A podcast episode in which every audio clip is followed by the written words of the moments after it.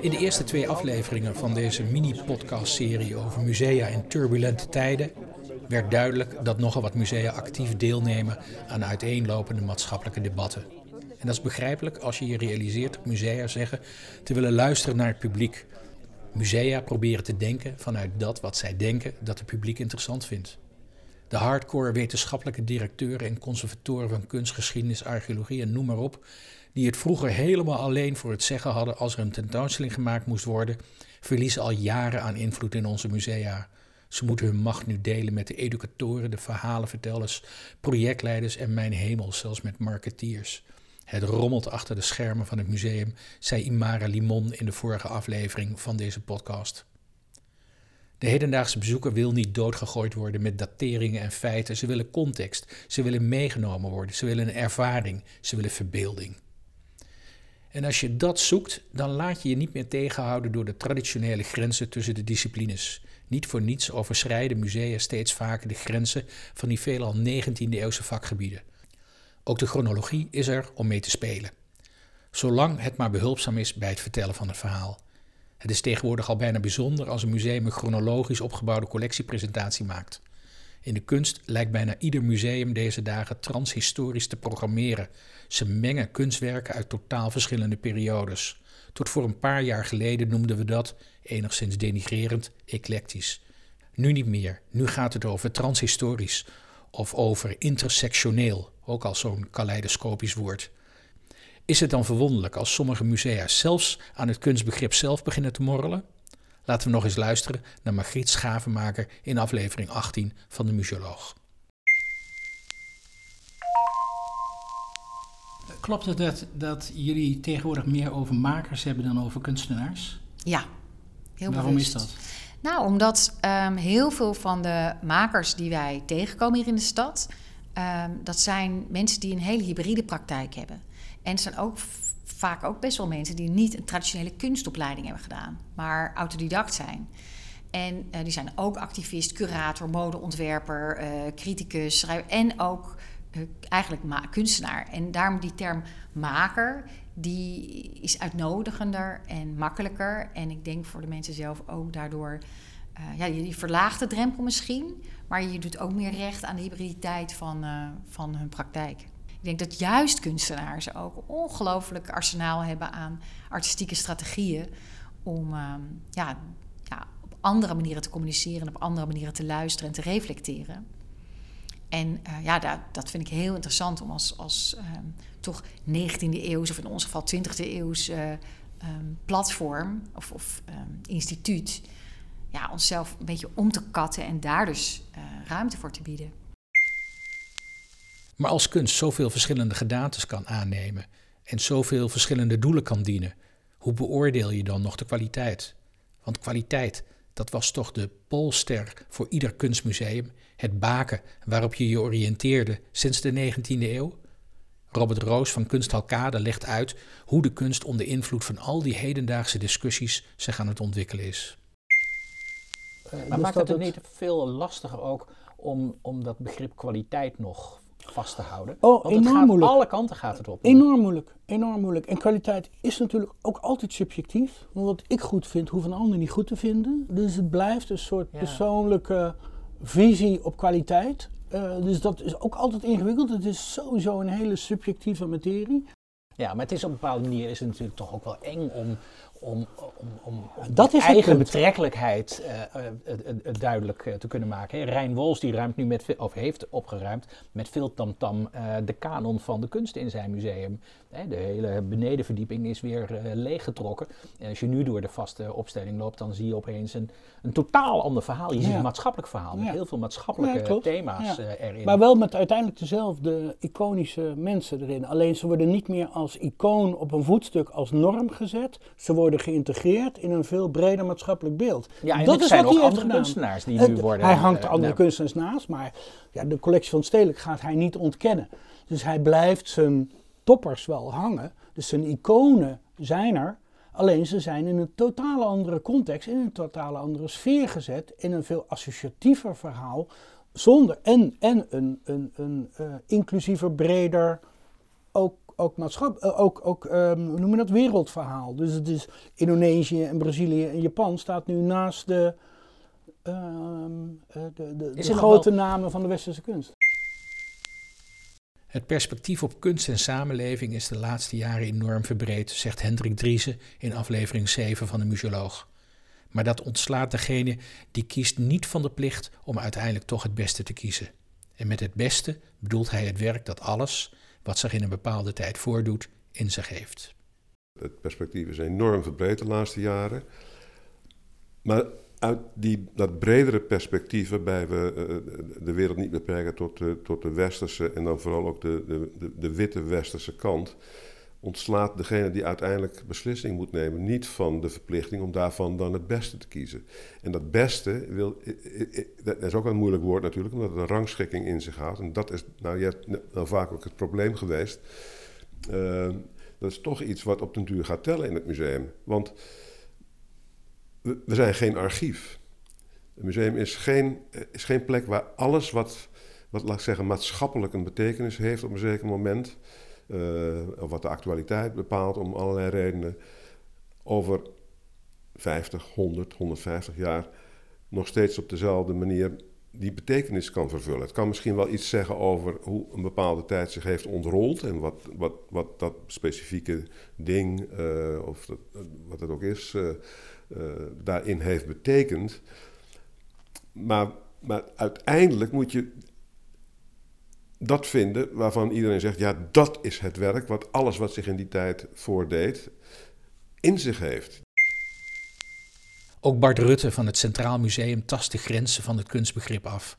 Hij heeft het over het vieren van de creativiteit en de individuele kracht van objecten hebben we bewust niet kunstenaar genoemd, maar kunstenaarschap, omdat het bij ons ook breder is. Hè. We hebben het over mode, we hebben het over vormgeving, we hebben het over misschien een bredere definitie dan enkel en alleen kunstenaars. We hebben het ook over makers uit de middeleeuwen die niet eens bij naam gekend zijn. Hè, dus dat kunstenaarschap waarin die creativiteit gevierd wordt, dat is natuurlijk iets wat belangrijk ook is. En dat is ook iets, daar kunnen we misschien later nog over hebben, uh, iets wat ik soms in het huidige debat ondergesneeuwd vind raken. Dat we wel ons heel erg bewust blijven van ook de individuele kracht van objecten. gewoon de schoonheid van objecten. Het feit dat iets niet alleen onderdeel uitmaakt van een verhaal, een identiteitsverhaal of een geschiedenisverhaal of wat dan ook, maar ook nog steeds puur om zijn eigen zijn bewonderd kan en mag worden. Zo, belangrijk dat in de 21ste eeuw. ja, en dat in de 21ste eeuw. Omdat het een sluit het ander niet uit. Hè. Dat is juist, het, het, moet een twinkeling zijn waarin die twee aspecten hè, uh, naast elkaar mogen bestaan. Vanuit de 21ste eeuw gaan we met Andreas Blum van het Groningen Museum nog even terug naar de wortels van het museum in de tijd van de 18e eeuwse verlichting en de 19e eeuw. Uh, musea zijn uh, geboren uit de verlichting uit het, eh, de revolutie tegen het absolutisme.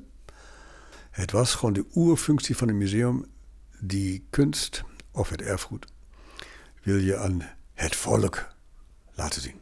Verheffen. We moeten het, volk verheffen. Opleiden, maar ook vermaken. Dat heeft een lange traditie en dat is eigenlijk wat. Eh, en de democratische maatschappijen zijn ook geboren uit deze periode, uit de 18e eeuw, uit de verlichting. En wij zijn niet de eigenaren van een collectie, maar we beheren de collectie voor de maatschappij. Dan is het in mijn oogpunt onvoldoende om te zeggen: Nou, ik vind het allemaal erg mooi en ik hang het op en jullie mogen komen of niet, maakt mij niks uit. Nee, de verplichting is wel keuzes te maken wat je bewaart, uh, hoe je het bewaart. Maar dan ook met dezelfde uh, ambitie, met dezelfde passie ook te zeggen: Nou, ik weet misschien net iets meer over het historische voorwerp in deze vitrine. Maar het is nutteloos als ik het alleen weet. Het is eigenlijk pas, komt het tot leven als anderen daar ook iets van kunnen vinden en een mening over kunnen vormen. Of het mooi vinden of het zich daardoor laten inspireren. Dat is de oerfunctie van elk museum. En dat is gewoon onlosmakelijk verbonden aan de democratie. In 1871, dat je zeg maar ook het, uh, in, in, Frankrijk, hebben ze de salon laten verlichten, elektrisch. Om de arbeiders die normaal s'avonds niet kunnen komen, omdat het museum dan dicht is, ook de kans te geven om de kunst te bekijken. Dus zo heb je die beweging. En dan natuurlijk in, onze tijd, in ja, eind jaren 60, jaren 70, had je zo'n impuls van volksverheffing, educatief, uh, participatief te werken. En op dit moment, in de laatste, denk ik, 15, misschien al langer, is er weer ook een duidelijke beweging richting publiek. Het is dus je democratische plicht als museum om je op het publiek te richten. Daar doe je het voor. Maar wie is dat publiek en wat willen ze? Welke koers zet je uit als museum? Welke richting ga je op? Luister naar de worsteling van Teus Eenkoorn, directeur van het Openluchtmuseum, in aflevering 17 van de Museoloog.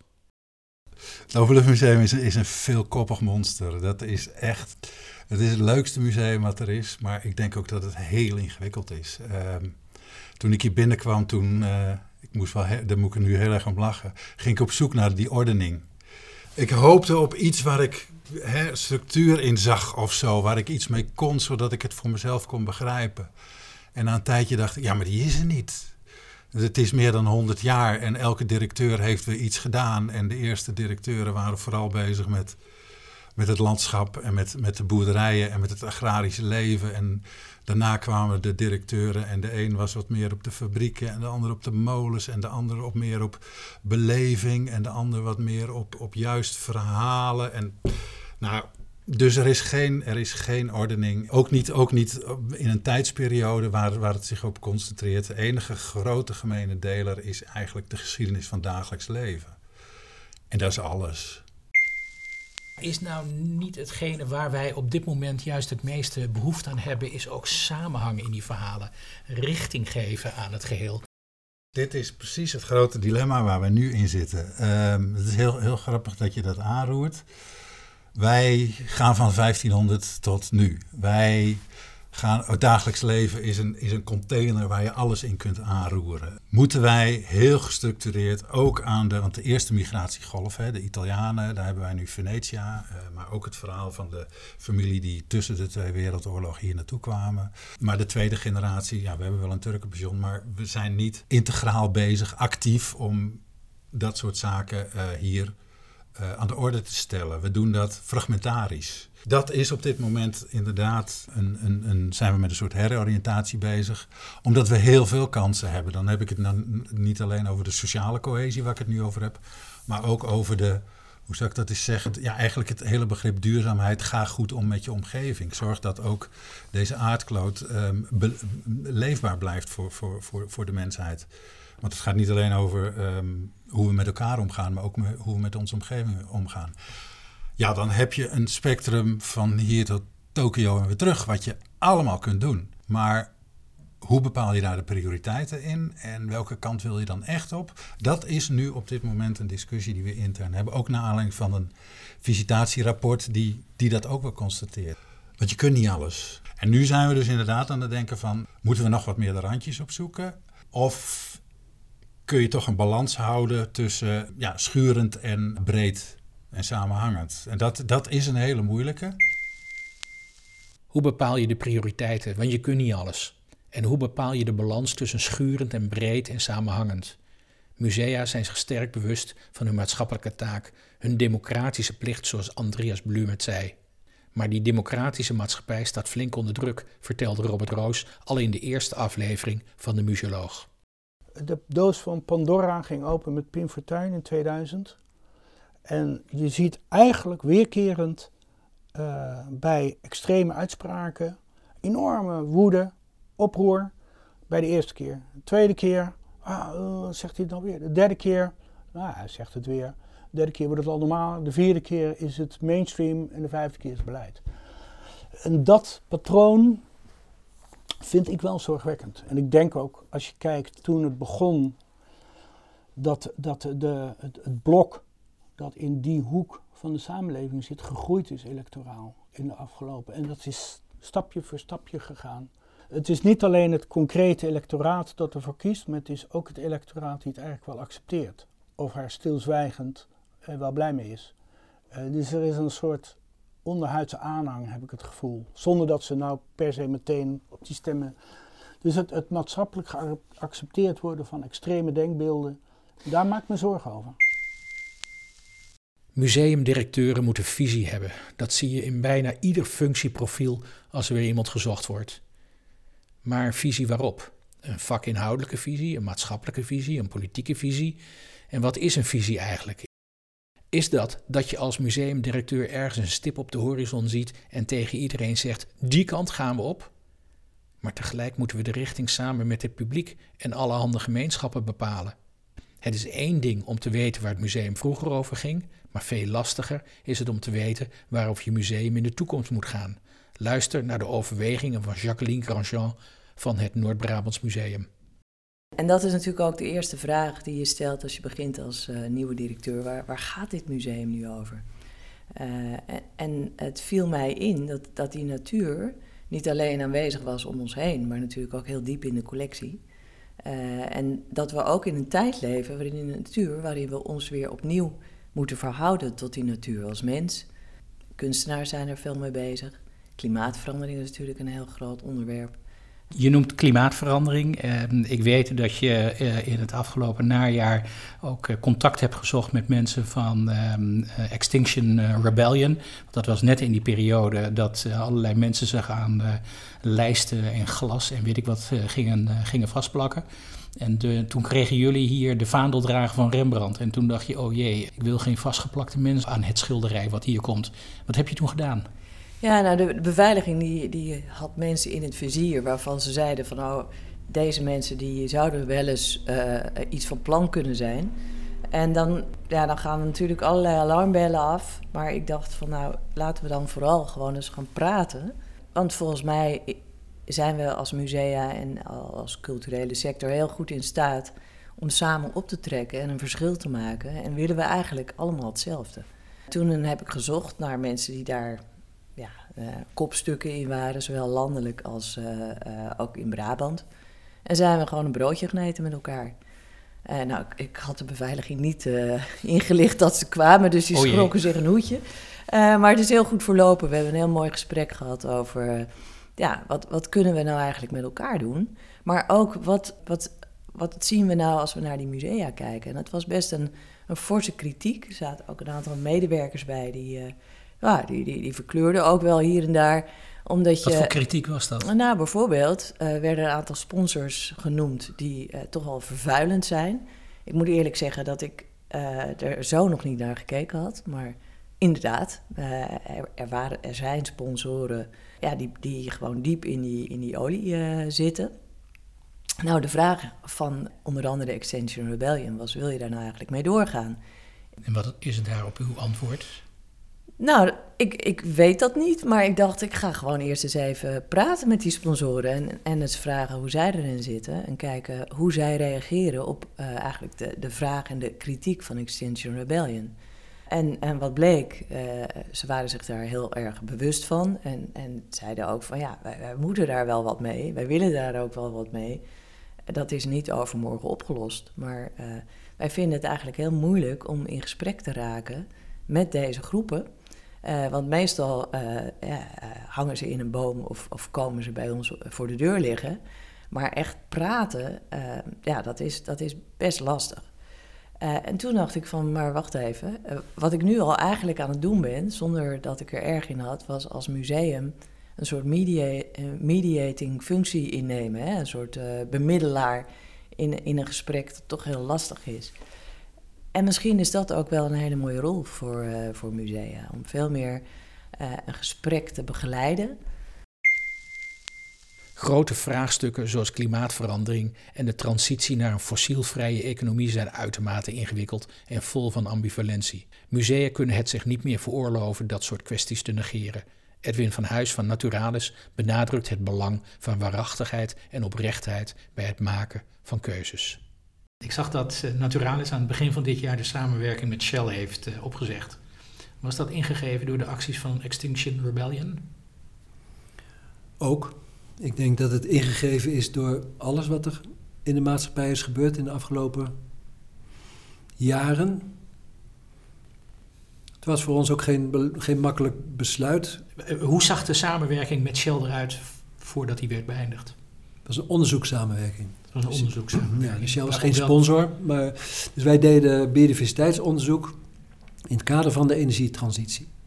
En daar, daarom zei ik ook dat het niet zo makkelijk was om dat eh, contract te verbreken. ehm, omdat heel veel onderzoekers hier vinden en vonden dat we daarmee een bijdrage leverden aan de energietransitie. En dat het belangrijk is om dat soort onderzoek te doen. En daar ben ik het mee eens. Maar ik ben het er ook mee eens dat je dat alleen maar kan doen met partners die oprecht bezig zijn met die energietransitie. En oprecht bezig zijn met die groenere en betere wereld. En wij vonden dat dat te weinig nog ehm, aanwezig was in de acties eh, van Shell. Waar het om gaat is dat je vindt dat we moeten werken aan, aan verbetering. En dat je wil werken met partners die dat ook oprecht doen. Niet alleen erover praten, maar het ook oprecht doen. Stappen zetten, zichtbaar stappen zetten. En ook af en toe in hun eigen vlees snijden om die stappen te kunnen zetten. Musea realiseren zich steeds meer dat ze een rol hebben in deze democratische samenleving.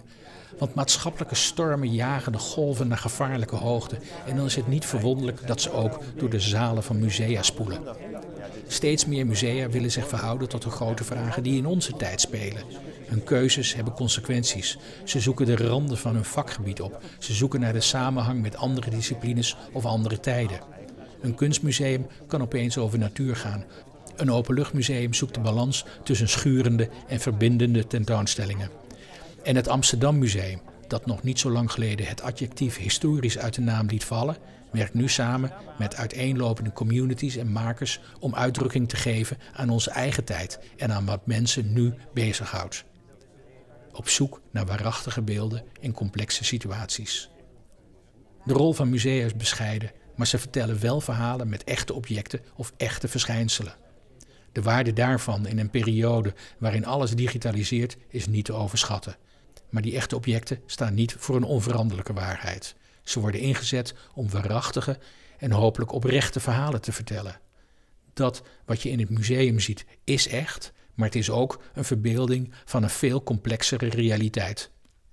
De totale werkelijkheid, of noem het waarheid, is altijd gecompliceerder dan het verhaal. En een waarachtig verhaal is voor ons mensen het maximaal haalbare.